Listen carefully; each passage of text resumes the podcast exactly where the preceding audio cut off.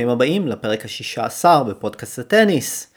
תמונת חצאי הגמר של אליפות אוסטרליה הפתוחה הושלמה, ואנחנו נראה מחר, יום שבת, במשחק גמר הנשים את נעמי אוסקה מול ג'ניפר בריידי, וביום ראשון בבוקר במשחק גמר הגברים את נובק ג'וקוביץ' מול דניל מדוודב.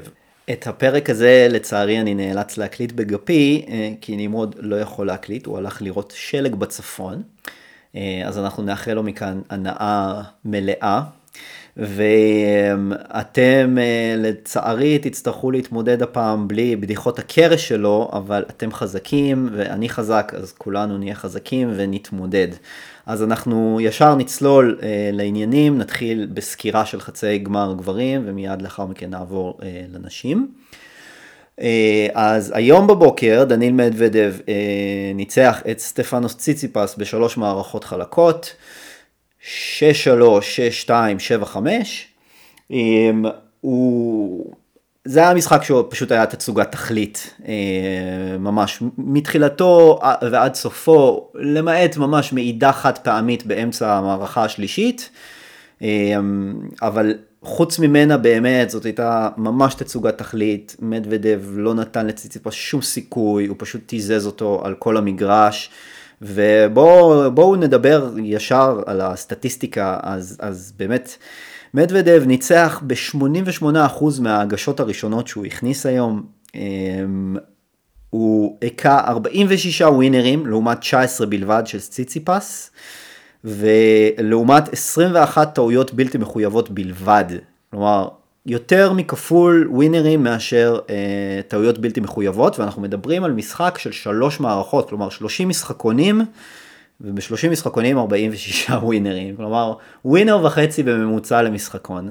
זה מטורף לחלוטין. במהלך הסט השלישי היה, היה נדמה כאילו אנחנו מתחילים לראות איזשהו שחזור של רבע הגמר של ציציפס מול נדל, אחרי שבאמת ציציפס בשתי המערכות הראשונות לא ממש היה פקטור, לא במשחק הזה ולא במשחק ההוא מול נדל. ומדוודב שבר בתחילת המערכה, הוביל 3-1, וב-3-1 היו לו כמה הזדמנויות לשבור שוב לדאבל ברייק, ל-4-1, הוא לא הצליח לשבור, ואז משום מקום פתאום משחקון הגשה אחד לא טוב של, של מדוודב, שהוא קצת איבד בו ריכוז, קצת גם, לא יודע, התעסק קצת עם הקהל. אמ, הוא נשבר במשחקון הזה, ובמשחקון ההגשה הבא שלו, כלומר כשציציפס כבר מוביל 4-3, אז לציציפס פתאום משום מקום היו עוד, אה, הייתה עוד הזדמנות אחת או שתיים לשבור שוב, כלומר, ולהגיש למערכה השלישית. אה, ושם מדוודב התאפס על עצמו, אה, הציל את ה break point הזה עם ace אם אני זוכר נכון, ו... ומשם הוא המשיך לשחק את אותו, את אותו משחק שהוא שיחק בשתיים וחצי מערכות הראשונות. אה, הוא שבר את ציציפס ב-5-5 והגיש למשחק וסגר את המשחק הזה. אה, אז באמת תצוגת תכלית שאמורה לתת לו המון המון המון ביטחון לקראת הגמר. אה, ציציפס נפרד מהטורניר הזה שוב בחצי הגמר, אחרי שהוא הגיע לחצי הגמר גם ב-2019, הפסיד שם לנדל.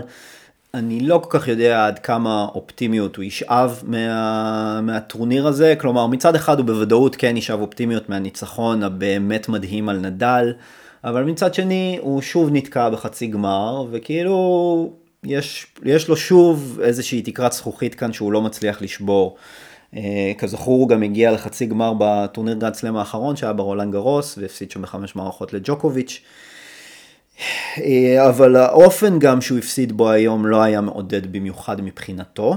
אה, הוא לא ממש היה פקטור חוץ מבאמת בקטע הקצר הזה שעכשיו תיארתי אה, במערכה השלישית. הוא היכה המון טעויות ונראה שהוא גם לא כל כך התאושש פיזית מהמשחק מול נדל. זה באמת היה איזשהו מאמץ מנטלי ופיזי מטורף ואולי זה בעצם לא מפתיע שככה, שככה נראו הדברים היום. אה, בכל מקרה, דני מדוודב אה, נמצא כרגע על רצף של 20 ניצחונות בסבב. 20 ניצחונות בסבב, ומתוכם 11 ניצחונות על שחקני top 10. החל מטורניר המאסטרס בפריז, ברסי, אה, שנה שעברה, את ג'וקוביץ', את נדל, את טים, את ציציפס, את זוורב שלוש פעמים, את רובלב ואת שוורצמן גם שלוש פעמים. כלומר, 11 ניצחונות סך הכל לשחקני top 10. ואם הוא ינצח ביום ראשון את נובק ג'וקוביץ', זה אם גדול, אנחנו נדבר על האם הזה בהמשך, אבל אם הוא ינצח, אז הוא יעפיל למקום השני בעולם, הוא יעקוף את רפאל נדל בדירוג, וזו תהיה הפעם הראשונה מאז יולי 2005, כלומר כמעט 16 שנים, בה באחד משני המקומות הראשונים בעולם יהיה שחקן שאינו פדרר, נדל, ג'וקוביץ' או מארי. כן, זה עד כדי כך מטורף. כן, אז uh, מי שמדוודב ישחק מולו בגמר ביום ראשון הוא לא אחר מנובק ג'וקוביץ', שהעפיל uh, ביום חמישי, אתמול כלומר, uh, לגמר התשיעי שלו באליפות אוסטרליה פתוחה, וזה שיא של העידן הפתוח באליפות אוסטרליה. Um, זה בעצם, הוא הופך להיות השחקן השלישי אחרי נדל עם 13 גמרים באליפות צרפת ואחרי פדר עם 12 גמרים בווימבלדון, עם הכי הרבה הופעות בטורניר, אה, בגמר של טורניר גרנד סלאם אחד. אה, עכשיו אם אה, נוסיף לזה גם את ה-US Open, ששם יש לו שמונה גמרים, אז מספיק שהוא יגיע לעוד גמר אחד ב-US Open, והוא אה, יאחז בבכורה בגמרים של אה, שני טורנירי גרנד סלאם, כלומר כרגע ב-US Open הוא, ב tie עם שמונה גמרים, גם עם איוון לנדל וגם עם פיט סמפרס.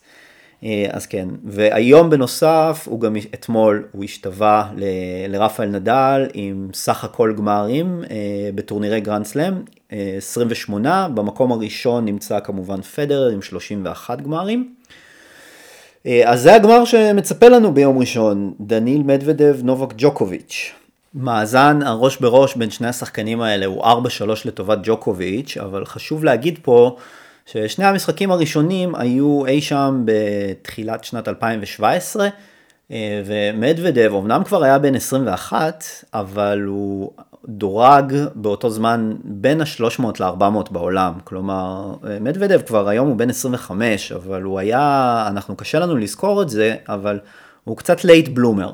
ומאז 2019 אז המאזן בין השניים קצת יותר התאזן, ואנחנו, טרי לנו מאוד בזיכרון, המפגש האחרון ביניהם בטורניר סוף השנה בלונדון, שמדוודב פשוט דרס את ג'וקוביץ' בשתי מערכות. והוא פשוט היה נראה, א' היה נראה שג'וקוביץ' לא ממש רוצה להיות שם, אבל בעיקר היה נראה שפשוט מדוודב עושה לו את המוות ופשוט לא נתן לו לנשום, לא נתן לו לעשות שום דבר. אה, וזה יהיה מאוד מאוד מאוד מעניין לראות מה יתפתח ביום ראשון, אבל אני חייב להגיד פה, במיוחד לאור כל מיני אה, תגובות שאני רואה ב... ברשתות החברתיות על המשחק הזה, ו- ומי הפיבוריט ומי ינצח, אז אוקיי, אז מדוודב יכול לנצח את המשחק הזה, אני ממש לא אומר שלא. אבל לבוא ולהגיד שהוא הפייבוריט למשחק הזה, זה בעיניי טעות גדולה, וזה זה קצת אה, חוטא בעיניי להבנה של מה זה בעצם פייבוריט בספורט. כלומר, אי אפשר לבוא ולהגיד על נובק ג'וקוביץ', שמגיע לגמר התשיעי שלו, ושמעולם לא הפסיד גמר באוסטרליה, ושמעולם לא הפסיד אפילו חצי גמר באוסטרליה, פשוט אי אפשר להגיד עליו שהוא לא הפייבוריט לנצח את המשחק הזה. כלומר, כששניהם יעלו למגרש ביום ראשון, אז שחקן אחד יעלה בידיעה ברורה שהוא הפייבוריט, ושחקן אחד יעלה בידיעה ברורה שהוא האנדרדוג. והפייבוריט הוא ג'וקוביץ' והאנדרדוג הוא מדוודב. ולא משנה איך נהפוך את זה, זה גם יהיה ה-state of mind של השחקנים כשהם יעלו למגרש ביום ראשון. אז אנחנו יכולים בינתיים לדסקס בינינו, כן, מי פייבוריט ומי פה ומי שם, אבל נובק ג'וקוביץ' יעלה ביום ראשון בידיעה ברורה שהוא הפייבוריט לזכות בתואר התשיעי שלו באוסטרליה. אני רק מזכיר שממש לא מזמן אה, היו כל מיני אנשים, לא חשוב שמות, בוא רק נגיד שאחד מהם זכה בווימבלדון אחרי שקיבל wild card בשנת 2001 אה, והיום הוא יושב ב box של נובק ג'וקוביץ' אה, בתפקיד המאמן שלו, שאמר שלרפאל נדל אין שום סיכוי לנצח את נובק ג'וקוביץ' בגמר אליפות צרפת הפתוחה וכולנו זוכרים איך זה נגמר, והוא לא היה היחיד, בוא נגיד ככה. כלומר, הרבה אנשים חשבו שבגלל שקר, ובגלל שהגג סגור, ובגלל ש... מה עוד היה שם? אה, הכדורים כבדים, ובגלל שהרצפה עקומה, ואנה ערף, ואני כבר לא זוכר מה עוד היה שם, אז כן, אז פתאום ג'וקוביץ' הוא הפיבוריט, אבל לא. שחקן שמגיע ל-12 גמרים, והאמת שגם אני קצת חטאתי פה, אה, אני גם חשבתי אז שהמשחק ההוא זה סוג של אה, הטלת מטבע, אבל כמו שכולנו ראינו זה בסופו של דבר היה מאוד רחוק מכך. אז יש סדר ביקום הזה, והסדר הוא שנדל זוכה באליפות צרפת ונובק ג'וקוביץ' זוכה באליפות אוסטרליה. וכל תוצאה אחרת אה, תהיה הפתעה, הפתעה מרעישה אפילו, ואני בהחלט חושב שאם מדוודב ינצח את נובק ג'וקוביץ' ביום ראשון, זאת תהיה הפתעה גדולה מאוד. אני לא אומר שאין לו סיכוי לנצח, אבל אני בהחלט חושב שזאת תהיה הפתעה. אה, עכשיו, מה, מה עומד על הפרק מבחינתו של ג'וקוביץ', אז אה, דיברנו על זה קצת בפרק הקודם, אה, על המרדף האינסופי שלו אה, אחרי 20 אה, תארי הגרנד סלאם שכרגע אה, מחזיקים גם פדר וגם נדל, אז הוא כאמור אה, מאוד רוצה להתקרב לשם, להשתוות לשם ואולי אפילו לעבור את זה. וביום ראשון זו הזדמנות פז מבחינתו, לא, לא, אני בספק אם בעתיד יהיו לו הרבה הזדמנויות יותר אה, טובות מאלו, אה, כדי באמת לצמצם את הפער. כלומר זה סוג של it's now or never. אמ, ככה אני רואה את הדברים. עכשיו, אני חושב שאם נדבר קצת מבחינה טקטית על המשחק הזה, אז אני חושב שמה שכן יהיה שונה הפעם, זה שנובק ג'וקוביץ' ינסה לזכות בתואר הזה בצורה שהיא תהיה קצת שונה מ... מהדרך שהוא זכה בעצם כמעט בכל 17 הגרנד סלאמים שלו, ובפרט בתשע... בשמונת הסלאמים שלו באוסטרליה. אני די בטוח שהאסטרטגיה של ג'וקוביץ' למשחק הזה תהיה סרב ראשון, סרב ראשון, סרב ראשון. הוא ינסה כמה שיותר לקצר את הנקודות. הוא ינסה אה, להיות כמה שיותר דומיננטי בסרב הראשון שלו, בדיוק כמו שהוא היה במשחק מול זוורב, ובעצם בכל, לאורך כל הטורניר הוא ינסה להכות כמה שיותר אייסים, להכניס את הסרב ראשון באחוזים כמה שיותר גבוהים, אולי הוא אפילו יאמר, אנחנו נראה אותו גם מהמר קצת על הסרב השני שלו, ומכה אותו יותר חזק, ואולי באחוזים קצת יותר נמוכים, אולי גם נראה ממנו קצת יותר דאבלים, אני לא יודע, אבל זה מה שאני משער שהוא ינסה לעשות.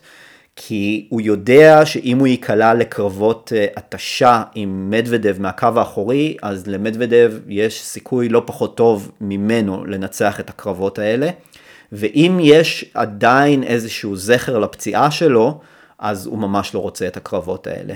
גם ראינו היום מה, מה קורה ש, שמדוודב נכנס לקרבות מהקו האחורי מול, אה, מול ציציפס, אז בכל פעם שהרלי התארך מעל תשע חבטות, תשע ומעלה חבטות, ציציפס ניצח שבע נקודות ומדוודב ניצח ב-19 נקודות. כלומר כמעט פי שלושה. Uh, עכשיו בסדר ג'וקוביץ' כמובן זה לא ציציפס ועדיין אני מאוד מאוד חושב שג'וקוביץ' ינסה כמה שיותר להימנע מה, מהקרבות האלה כי אם זה גם, זה בהחלט קרב שיכול להיגרר גם לארבע או חמש מערכות, ו, ו, ואנחנו לא ראינו עדיין בטורניר הזה, ג'וקוביץ' באמת נבחן פיזית.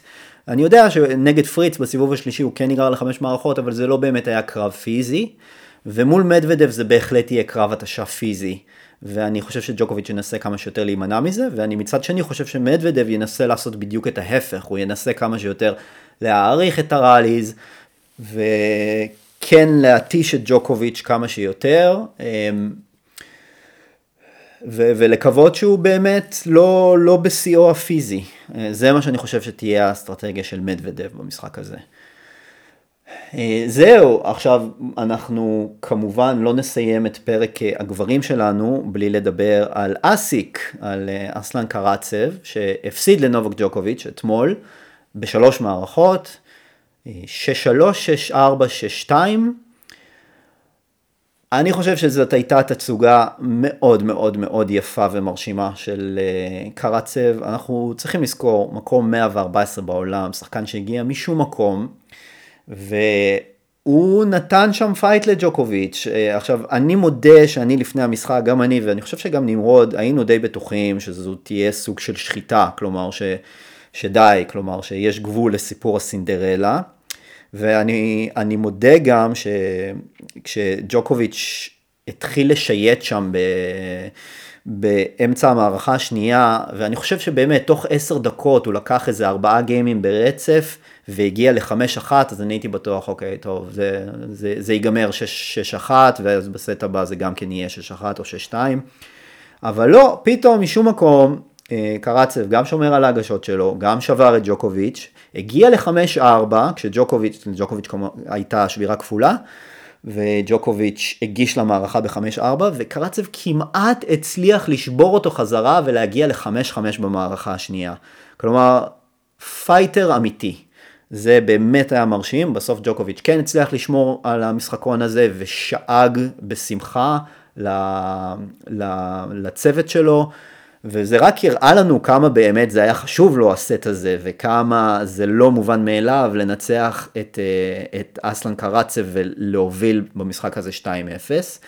הסט השלישי גם נפתח עם שבירה של ג'וקוביץ', ו- וקרצב כן הצליח לשבור אותו מיד בחזרה, כלומר הגענו אה, למצב של 2-2, אבל שם אני חושב שבאמת כבר תשו כוחותיו, והמשחק הזה נגמר 6-2.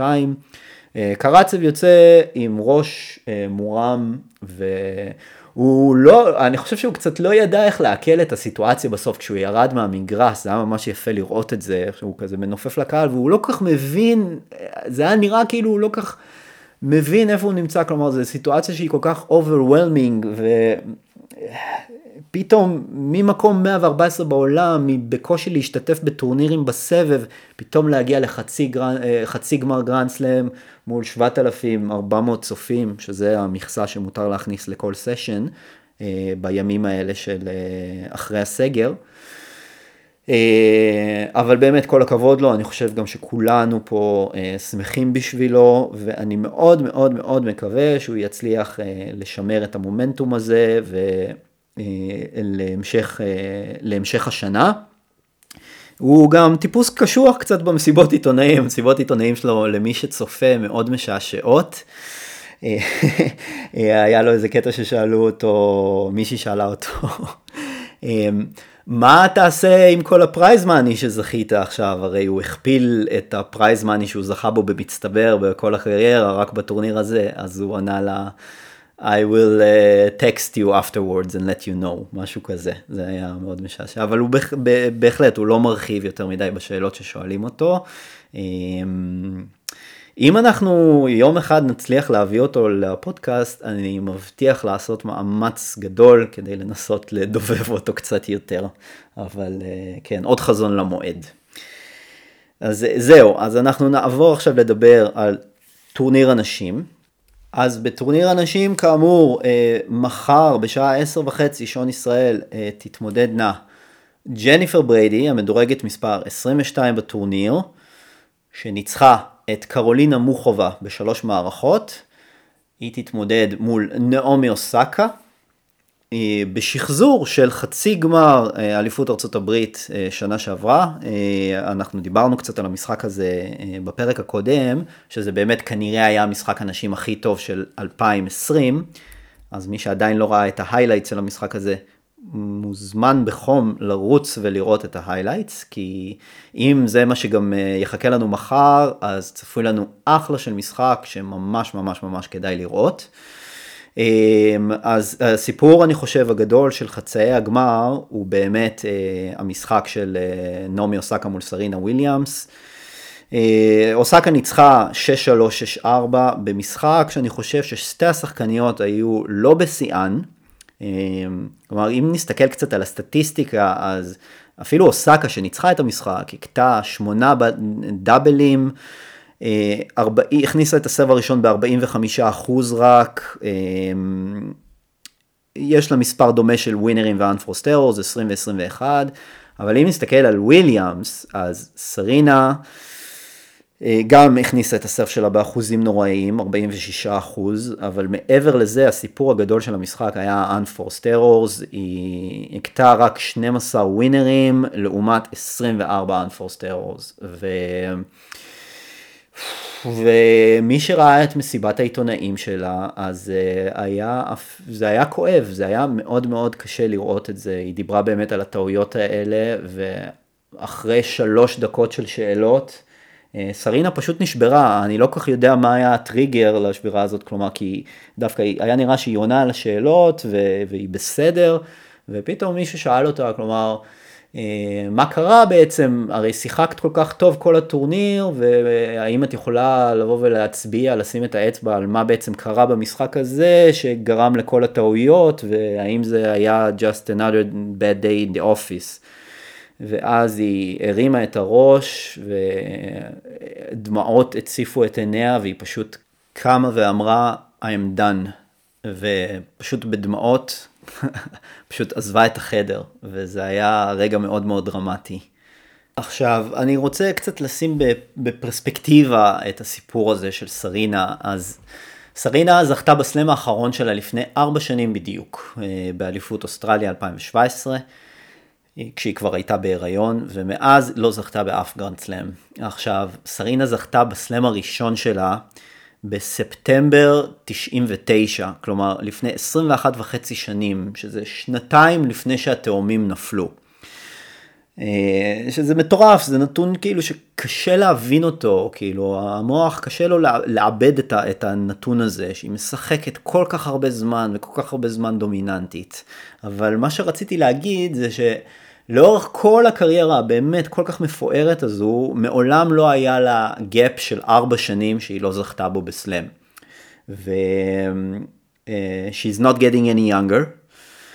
אז, uh, אז אני חושב שסרינה היא כל כך שבורת לב בגלל שהיא שואלת את עצמה, אוקיי, לאן מועדות פניי? Uh, אני חושב שגם דיברנו על זה קצת בפרק של סיכום שנת 2020. Um, והסיכויים הולכים ופוחתים, כלומר הסיכויים שלה לזכות בסלאם הולכים ופוחתים. הסלאם הבא הוא ככל הנראה הסיכוי הכי נמוך שלה, רולנד גרוס, ודווקא הסלאם שאחריו הוא אולי ההזדמנות הכי טובה שלה, ואני לא יודע, אני לא רוצה להגיד האחרונה, אבל יש מצב שזה כן, שזו ההזדמנות האחרונה, כי... אני חושב שסרינה כדי לזכות בסלאם נוסף היא תצטרך שילוב של כמה דברים, גם לשחק לאורך טורניר שלם באמת ברמה הכי גבוהה שלה כיום, אה, וגם היא תצטרך מזל, היא תצטרך מזל עם ההגרלה, היא תצטרך מזל עם זה ששחקניות ש... שיכולות לעשות לה צרות, כמו סאקה, כמו שראינו, ושחקניות אחרות שראינו גם לאורך ארבע שנים האחרונות שעושות לה צרות, היא תצטרך פשוט לא לפגוש אותן. אה, היא תצטרך הרבה מזל בקיצור, אני חושב שזה כבר לא תלוי רק בה, אם פעם זה היה תלוי אך ורק בה, אז היום זה כבר לא תלוי רק בה, ואני חושב גם שסיבה נוספת לכך שזה מאוד מאוד כאב לה היום, זה שאני חושב שהיא באמת עשתה עבודה מאוד קשה כדי להגיע לטורניר הזה כמה שיותר fit וכמה שיותר בכושר וכמה שיותר תחרותית, וזה עדיין לא היה מספיק. ובשבילה זה היה מאוד מאוד עצוב ומובן גם. ואני תוהה ביני לבין עצמי אם היא שואלת את עצמה אה, את השאלות האלה של האם אני באמת צריכה להמשיך ולשחק. אני מאוד מאוד סקרן לדעת מה עובר לה בראש ואיזה... ו- ו- ומה, ומה התוכניות שלה לעתיד, אני לא יודע, כאילו זה גם היה נשמע כאילו היא לא בוודאות הולכת להגיע לאוסטרליה שנה הבאה. אז לכו תדעו, אולי יש מצב שזה היה האוסטרליאן אופן האחרון של סרינה וויליאמס. בכל מקרה, אה, אז מי שניצחה אותה זה כאמור נעמי אוסקה, שמעפילה לגמר, ואני חושב שאם נעמי אוסקה תצליח לנצח גם את הגמר הזה, ולזכות בגרנדסלם הרביעי שלה, אז זה יהיה הישג מרשים ביותר, וזה ללא ספק אה, יגרום לה לתקוע יתד, יתד אמיתי של, של דומיננטיות בצמרת טניס הנשים, בעידן הנוכחי, והיא תתחיל גם לגרד את ההיסטוריה, כלומר עם אה, ארבעה גרנד סלאם אז היא תיפרד אה, משחקניות כמו אנג'ליק קרבר, לינדזי דבנפורט וג'ניפר קפריאטי שיש להן שלושתן שלושה גרנד סלמים. והיא תשתווה לקים קלייסטרס וארנצ'ה סנצ'ז עם ארבעה. ובעצם הבאות בתור זה שחקניות כמו מריה שרפובה, אה, ג'סטין הנין, ונוס וויליאמס עם חמש, שבע. אה, אז אה, מרטינה הינגיס גם שכחתי לציין עם חמש. אז כן, אז היא מתחילה להתקרב, היא מתחילה להתקרב, ואני חושב שהיא הפייבוריטית מחר, הפייבוריטית המובהקת, אבל ג'ניפר בריידי כאמור היא ממש לא פריירית. ושוב, אני מתבסס על המשחק ההוא מה-US Open מהחצי גמר. אמ, וזה היה שם קרב רציני ואני מאוד מאוד מקווה שאנחנו נראה טניס באותה רמה גם מחר. אה, ואני חושב שבזאת אנחנו נסיים את הפרק. אמ, אנחנו ניפגש שוב בלי נדר ביום ראשון בערב אחרי שני הגמרים ואני מאוד מקווה שנהניתם מהפרק הזה למרות היעדרותו של נמרוד ו... וזהו חברים אז שיהיה לכם באמת אה, יומיים של גמרים מהנים ומרתקים ו... ויאללה ושיהיה בכיף ונתראה בקרוב שבת שלום.